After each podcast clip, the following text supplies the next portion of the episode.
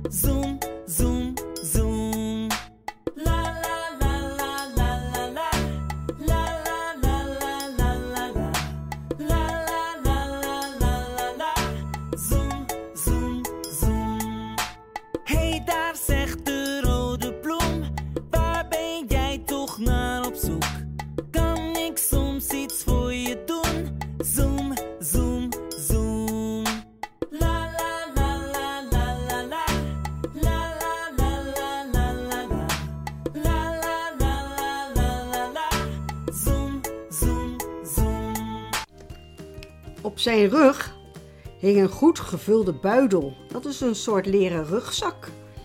En bij het hoge gietijzeren hek van de paleistuin stonden zijn vrienden en vriendinnetjes al vrolijk pratend en lachend op hem te wachten. Ze hadden zin in de wandeling. Meteen gingen ze met een stevige pas op pad. En het duurde dan ook niet lang voor ze uit het zicht verdwenen waren.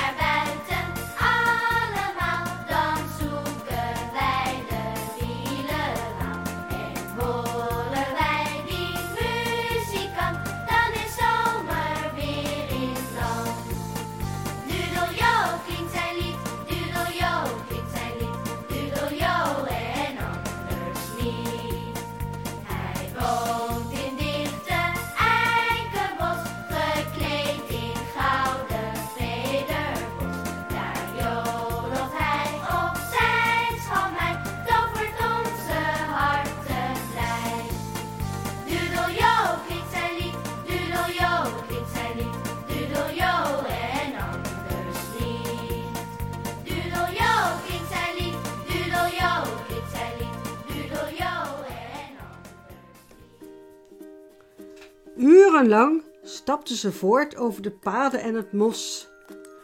Naast het pad stonden grote varens. En meteen begon het woud. Dikke stammen met hoog daarboven hun dichte bladerdak, die al het zonlicht tegenhielden. Omdat ze best een beetje moe begonnen te worden, was het groepje gestopt met zingen. De stilte van het grote woud was best wel heel erg stil best een beetje eng. Opeens kraakten er takken. Peter, de kleinste jongen, keek geschrokken naar Tom. Je hoeft niet te schrikken hoor, zei Tom geruststellend. Dat is een zwijn. Ik zag de sporen van zijn pootafdruk. Heb je die wel eens gezien? Het lijkt wel op een klein springend poppetje die zijn armen in de lucht heeft. Tom tekende een figuurtje in het zand. Gerustgesteld liepen ze verder. Nog even en dan zouden ze bij een open plek in het bos komen waar ze wat konden eten. Tom liet het zien op zijn wandelkaart die zijn vader voor hem getekend had. Even verder stonden de bomen meer uit elkaar. En ja hoor, daar was de open plek. Een klein zanderig veldje met konijnenkeutels en een oud bankje waarop ze moe en hongerig gingen zitten. We hebben honger, we hebben trek. We de drie zakken patat. Oh, ik word stapelgek. We hebben honger, we hebben trek. We lussen spinazie, spruitjes, boerenkool en uitgebakken spek. Mijn maag die rammelt als ik denk aan een ei. Niets knort er harder dan die maag van mij. Ik heb hier een gat, daar zit niks in. Dus stop wat in mijn mond, ik heb zo'n zin. Ik zie bergen vol met snoep en emmers chocola. Ijskasten die puilen uit van yoghurt en van vla. IJsjes met de sinaasmaak en drop van salmiak. Een paprika en zoute chips in een grote zak. We hebben honger, Wat hoorden ze dan nu weer? Weer gekraak van takjes. Was dat weer een zwijn? Maar nee, een oud vrouwtje kwam tussen de struiken door. Ze liep gebogen en zag er een beetje vreemd uit. Op haar rug had ze een mand vol met hout. Dag lieve kinderen van Glansrijk, zei het oude vrouwtje met een vriendelijke maar rare stem. Willen jullie mij even helpen met tillen? Tom liep naar haar toe. Natuurlijk, zei hij vriendelijk. Maar waar moet het hout naartoe? Hier woont toch niemand? Hij keek nog even op zijn wandelkaart. Daar stond toch echt geen huisje op getekend. Ach, mijn lieve jongen, zei de oude vrouw. Ik woon hier net iets verder. Als jullie mij helpen, dan geef ik jullie als dank wat lekkers. Ze keek er een beetje vreemd bij, maar ja, ze was dan ook heel oud, dacht Tom. Hij tilde de mand op en liep met zijn vrienden achter het oude vrouwtje aan. Al snel bereikten ze een andere open plek in het grote woud. En daar stond wel een heel bijzonder huisje. Tom, Peter en de andere kinderen keken, keken en keken nog eens. Was dat nu een huisje van snoep? Dank jullie wel, lieve kinderen, zei het oude vrouwtje met diezelfde vriendelijke, maar rare stem die nu ook een beetje scherp en schor klonk. Neem nu maar wat lekkers. Jullie kunt zo van de muur eten. Ze brak een stuk chocolade van de muur af. Hier, pak maar aan. Haar stem sloeg even over toen ze zachtjes in zichzelf mompelde. Nu gaat het gebeuren. Nog even en dan. Ze maakte een klein sprootje.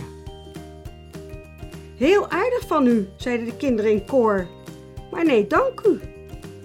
Taart en snoep vinden wij wel lekker, maar niet te vaak en zeker niet te veel in één keer.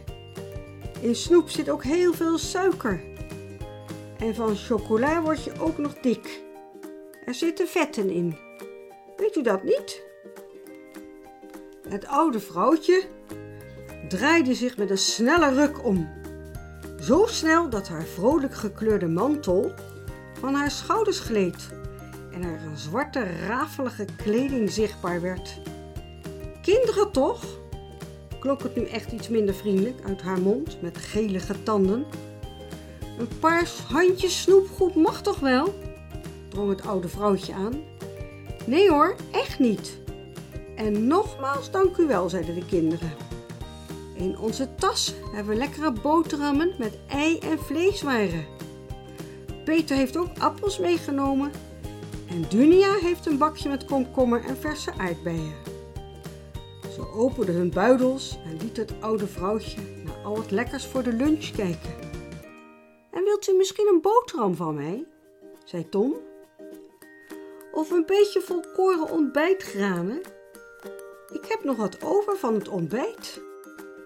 En toen gebeurde het. Het oude vrouwtje begon te trillen. Haar ogen kleurden donker, bijna zwart. Er klonk een hoge, schrille kreet. Zo hard dat Dunia haar vingers in haar oren stopte. Met een scherp, knarsend stemgeluid riep het vrouwtje. Jullie zijn rotkinderen, bah! Veel te verstandig en daar hou ik niet van. Niet eens één snoepje. Ze begon nog meer te trillen. En het trillen ging over in schudden. Ze schudde zo hard dat het even leek of haar neus haar af zou vallen. Toen holde ze weg en verdween in het huisje. Ze sloeg de deur zo hard dicht dat er allemaal koekjes in het rond vlogen. Tom keek zijn vrienden en vriendinnen aan. Bang was hij niet. Met zijn vriendin prinses Glansje had hij al gekkere en spannende avonturen beleefd. Toen klonk er in het huisje een harde knal. De schoorsteen van ontbijtkoek hing opeens scheef op het dak. En uit het dak kwam het oude vrouwtje omhoog. Omhoog? Ja, echt waar. Ze schoot de lucht in. Bovenop een zuurstok. Met een luide gil verdween ze achter de bomen. Verstandige kinderen, bah! Hoorden ze nog net voordat de zoetheks achter een wolkje uit het zicht verdween. Was dat nu een heks? vroeg Dunia. Ja, een zoetheks en een hele domme. En ze moesten hard lachen.